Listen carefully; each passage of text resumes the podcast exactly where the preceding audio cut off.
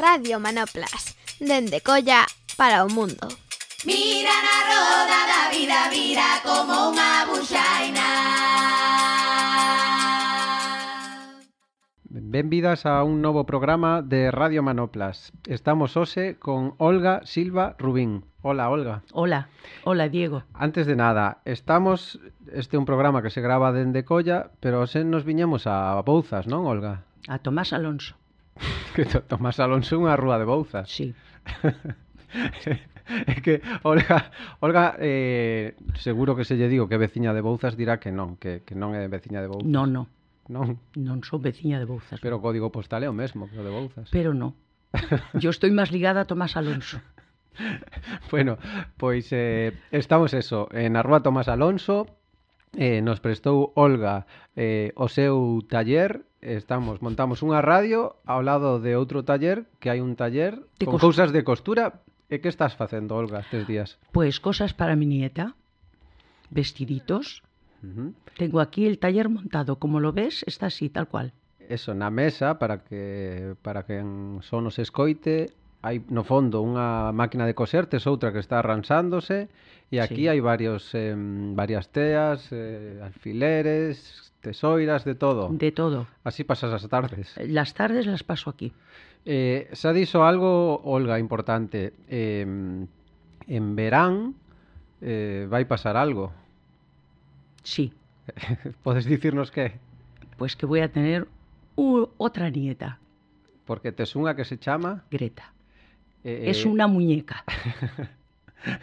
unha, unha moneca loira, verdade? Totalmente. Eh, xa, xa que comezamos aí por, por Greta eh, Olga é eh, a nai de Fátima e de Ales, eh, eso eh, o confinamento, moitas das cousas malas é que das barreiras físicas eh, Ales, eh, Elga e Greta viven en Euskadi eh, impiden ou dificultan as viaxes non como levas esa parte do, Pues lo llevé muy mal.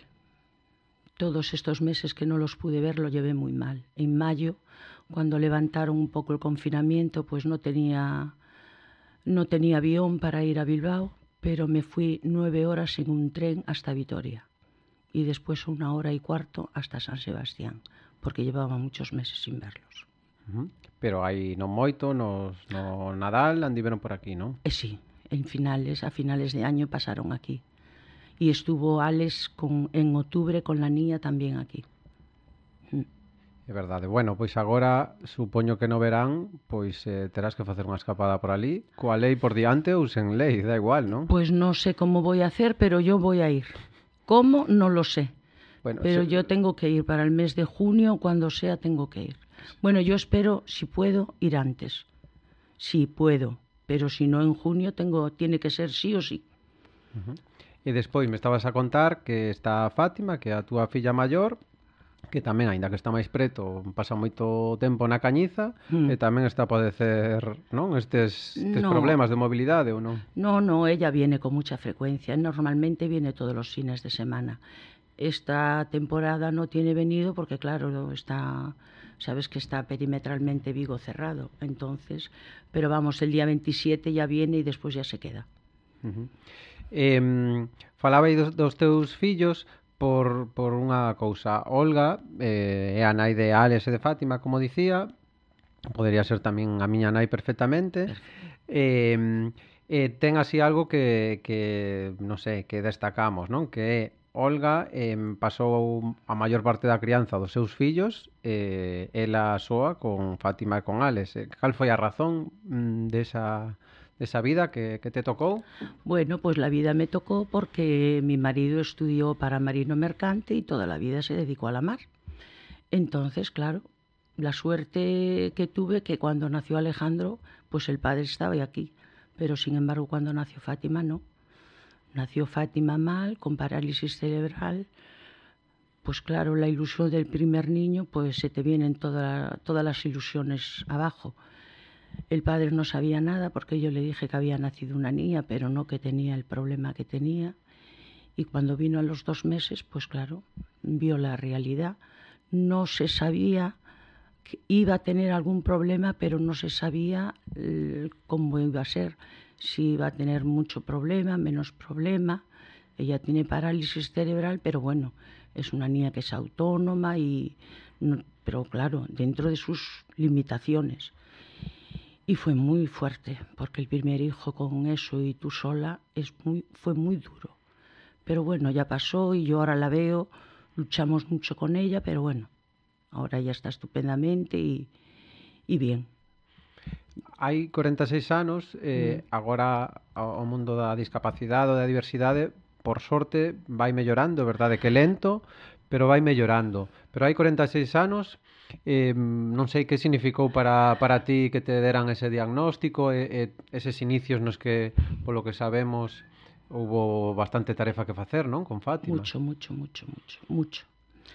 Eso fue, vamos, la ilusión de mi vida de tener un bebé que se te viene todo abajo cuando te dicen que, bueno, que, que no se sabe cómo va la niña a ir adelante. Fue muy, muy duro, trabajamos mucho con ella, estuvo diez años llevándola a un centro privado a Barcelona, mucho, luchamos mucho, mucho, pero bueno, como te dije, está bien, dentro de lo suyo está bien, y, pero fue muy duro, muy duro. E así cousas concretas que lembras que foran atrancos así no día a día? Mm, bueno, vamos a ver, ahora no tanto lo que tú dices, pero hace años veían una niña pues con parálisis cerebral y se creían que la parálisis cerebral pues era la cabeza. O sea, no era ni una pierna ni una mano. Y bueno, quedaban viendo para ella como si fuera una niña tonta. Y vamos, mi hija de tonta no tiene ni un pelo. Pero bueno, y claro, ella, menos mal que ella tuvo mucha suerte en los colegios. Ella estuvo en la guardería Ocastro y nunca tuvo problemas. Estuvo en el colegio en EGB, en el Ángel de la Guarda, tampoco nunca tuvo problemas. Tenía más, los amigos de ellas eran más los niños que las niñas, pero ella nunca tuvo problema. Ahora, pues no sé cómo sería en este momento, pero ella en su época no. E apoios por parte das administracións en todo ese, Nin, en todo ese proceso? Ninguna. Mi hija fue 10 años a Barcelona, un centro privado.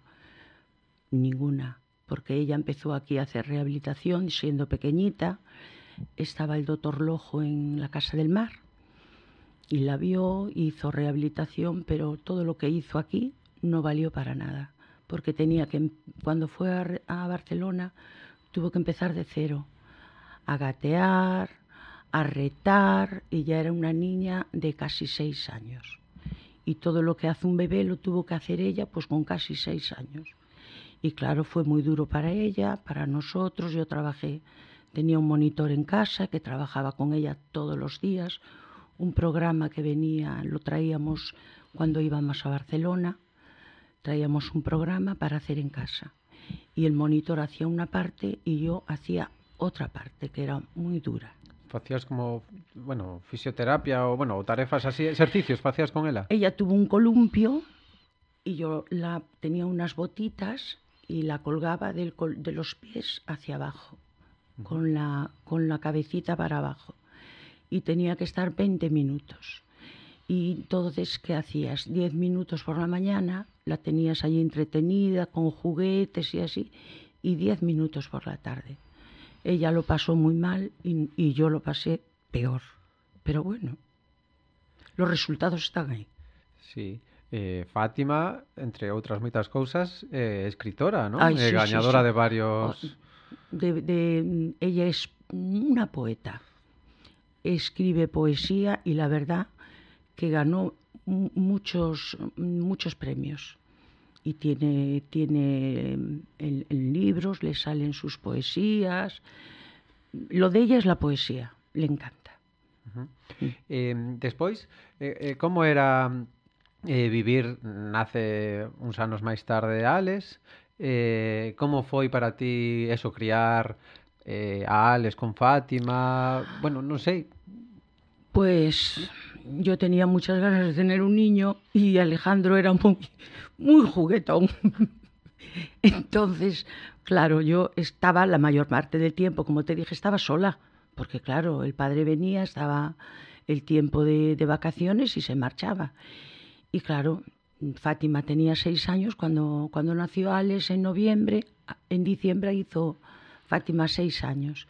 Entonces, bueno, lo fui llevando bien, lo fui llevando bien, pero claro, cuando Alejandro ya empezó a caminar y así me costaba, pero bueno, lo fui llevando, yo lo fui llevando muy bien y siempre los llevó a todos los sitios, a los reyes, a los circos, a todos los lados. Yo cargaba con ellos, pero no me importaba.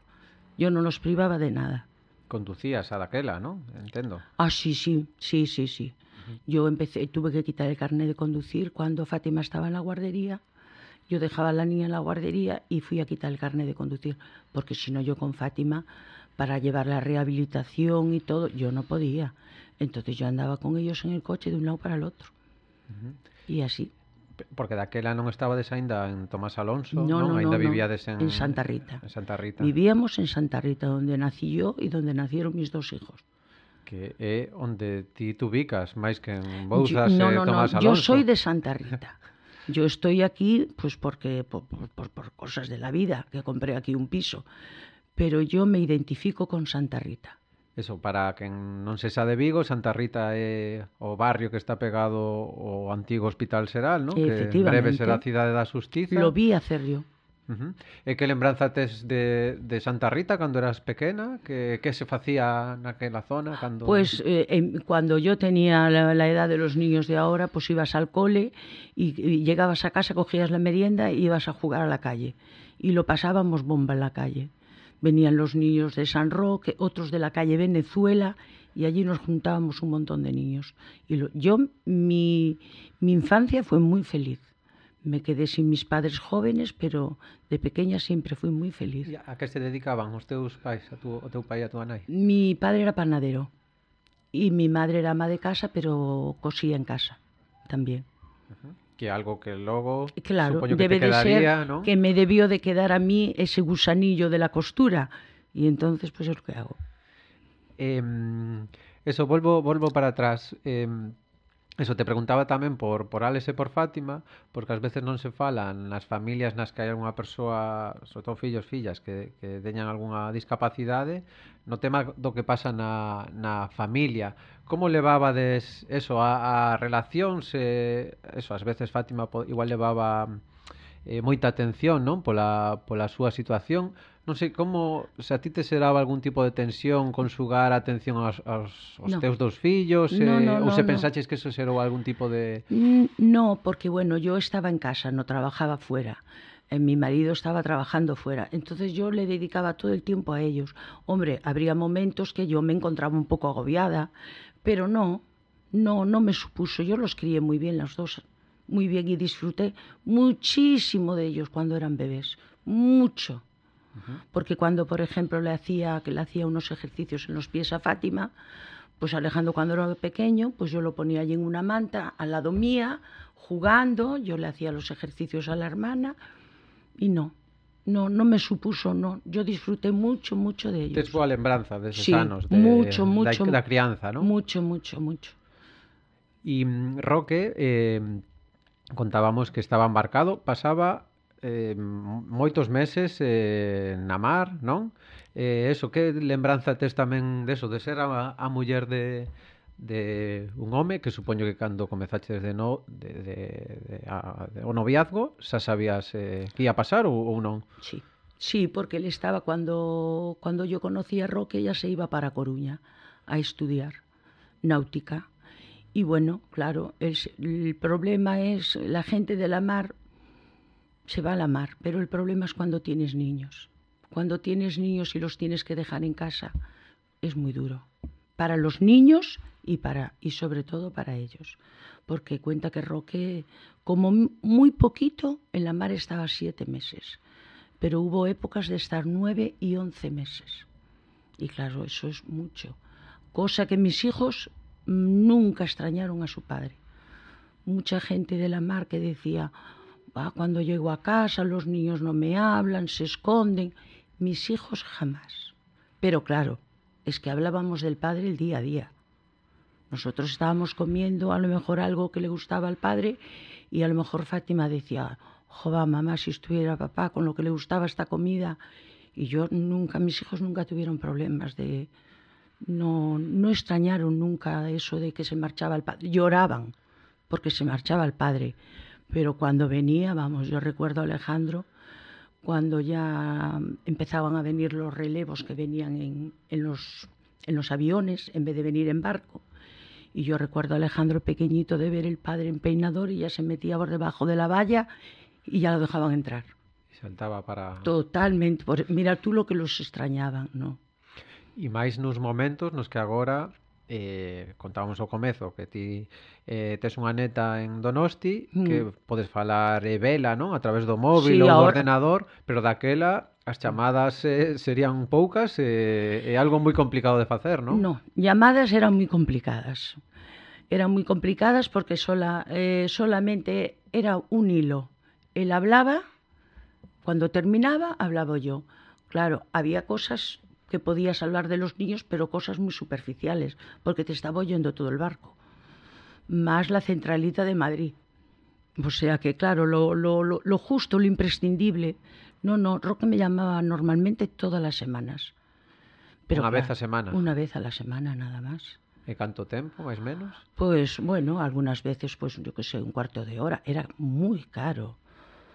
hablar eh, claro, desde que todo bar, eso cambiou muy caro. Cambiou moitísimo un pouco claro, tempo, Claro, non no tiene nada que ver con agora. Es que era moi caro. Entonces eran cartas, cartas a montones, muchísimas cartas. ¿Eh, el a ti e ti a... Sí. Os dous cruzabades cartas. Sí, sí, ya cuando estaba estudiando en Coruña.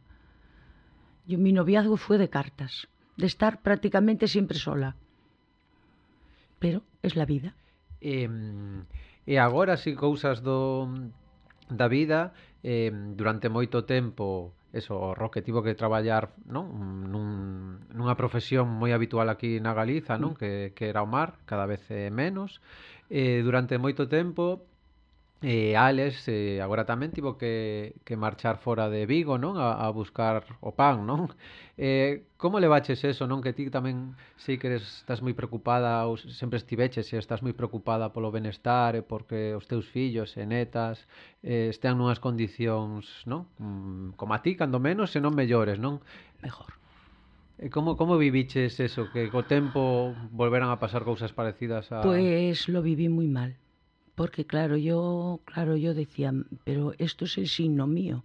Yo voy a estar toda la vida sola, con un marido siempre sola con mis hijos. Eh, se murió su padre y ahora mi hijo también se marcha fuera. ¿Y qué hago yo de mi vida? Pero como la vida es así, pues hay que plantarle cara y decir, si es por su bienestar, pues, pues tiene que ser así, no queda otra. Yo lo único que quiero es que ellos estén bien, y que tengan su trabajo, que tengan salud y que puedan criar a sus hijos y nada más. Y yo lo que necesiten de mí, yo los apoio en todo. Eh, Malia, que algunha xente que nos poida escoitar pense, jolín, vaya vida dura que lle tocou a Olga, quen a coñeza ou, ou eu que teño a sorte de coñecela, sei que é unha persoa moi vitalista, eh, feliz, cando menos de portas a cara fora, aínda que supoño que todos temos as nosas cousas, pero eh, eso, que truco tes ti para, mm, para vivir así, non? Con, pois con ledicia e... Eh, eh, Bueno, todo se va llevando. Hai momentos que son máis duros, outros momentos no, pero bueno, yo soy una persona que normalmente soy fuerte. Y digo, bueno, pues como de aquí no se puede hacer otra cosa, pues hay que tirar para adelante. Y como hay que tirar para adelante, pues hay que sonreír. Entonces yo recuerdo que cuando murió su padre, pues mamá, ¿qué tal estás? Pues bien. Pero yo estoy bien, no os preocupéis por mí. Y yo, aunque solamente fuera por ellos, pues me hice fuerte y salí para adelante. Porque claro, si, tú, si tus hijos te ven mal estando lejos, es muy duro para ellos y para ti. Entonces dije yo no, esto hay que ponerlo, hay que ser positiva y decir, hay que salir y hay que salir. Y así fue. Ellos lo pasarían también muy mal, porque claro, yo era mi marido y él era su padre. Pero bueno, es diferente porque ellos están acompañados y yo estoy sola. Y es más duro, pero bueno, todo se lleva en esta vida. todos arreglan esta vida menos la muerte. La muerte nos arregla, pero el resto, si no es por un lado, es por el otro, todo se soluciona. Eh, eh, contaban que, eso, estamos falando dende un momento de pandemia, e parece que van vir novas e máis restriccións as que, as que xa temos, pero durante a época máis dura, marzo, non cando nos pecharon, eh, ti aquí no, no edificio, no barrio, eh, artellaches hai algúns mecanismos de apoio, non? Como viviches eso aquí no, no teu no 152, non? Como, como levaches ese, eses meses ou esas semanas? Vamos a ver, estar en casa fue duro, pero al llegar a las 8 de la tarde nosotros los vecinos lo pasábamos bomba, pero bomba total. Era pasar la gente por la acera de enfrente y nos hacía fotografías, decía, es que no hay un, no hay un, un edificio como el vuestro, lo teníamos adornado. Eh, cuando fueron las vacaciones de Semana Santa, eh, pusimos una cuerda en las ventanas con los bañadores y todo porque nos íbamos de, de viaje en un yate. En otro momento pusimos otras cosas. Cuando alguien estaba de cumpleaños, pues los vecinos del quinto bajaban una cesta con una cuerda y cogíamos caramelos, bombones. Lo pasamos las ocho de la noche hasta las nueve y media o así.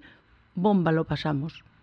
Desde luego es que tengo unos vecinos estupendos. Moi vos, é un edificio... Que, cantos veciños sodes? O... Somos 12, pero bueno, mm, somos cuatro o cinco.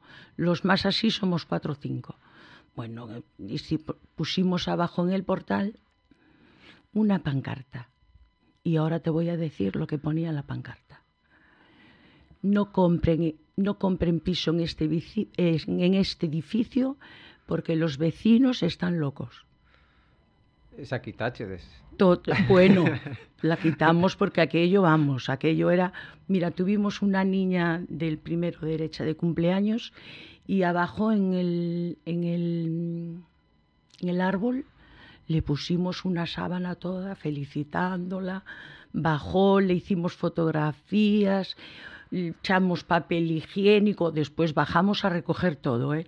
papelitos, todo, todo, todo, lo pasamos bomba aquí.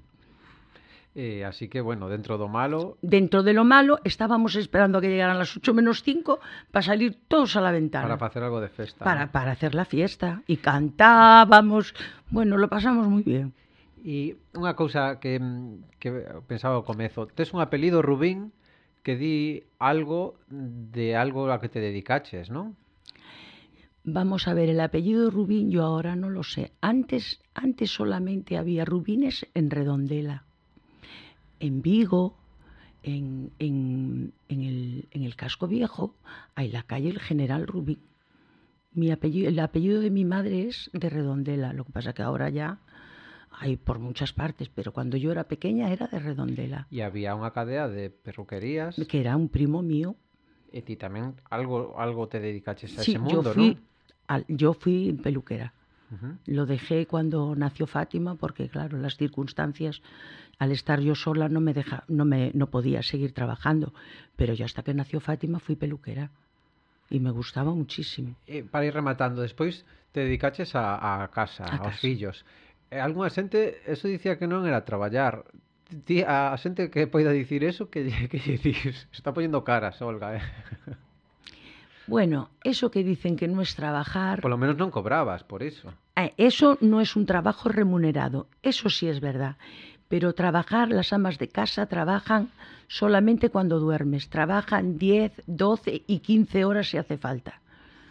O sea que a mí que no me vengan a decir que no es trabajo, ¿eh? Como pillemos a alguén deses, lle... No, no, no, no, vamos, a mí si me dice alguien, va, pues trabajar en casa no, no es nada, no será para ti, porque claro, si tú no coges un plato, posiblemente para ti no es trabajo, pero trabajar en casa es, además es un trabajo ingrato, porque tú lavas los cuchillos los, y a los dos minutos vuelven a estar sucios, y los platos a los dos minutos lo mismo, que algunas veces digo yo, me daban ganas ya de tirar los platos y olvidarme de ellos. Que despois a comida, que estás moito rato facendo To- a no, comida para no, comela en tres en, minutos. en dos momentos. Y te, estás por la noche y dices, ¿y qué voy a poner mañana de comida?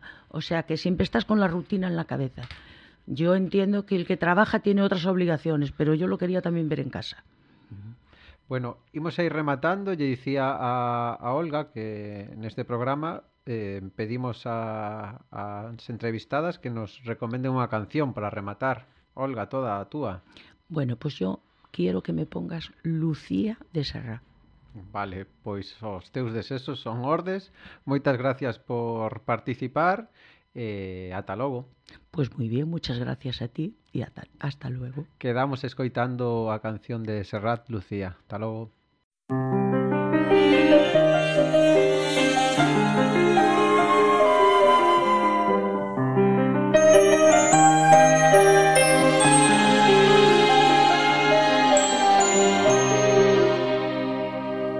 Vuela esta canción para ti, Lucía, la más bella historia de amor que tuve y tendré. Es una carta de amor que se lleva el viento pintado en mi voz a ninguna parte, a ningún buzón.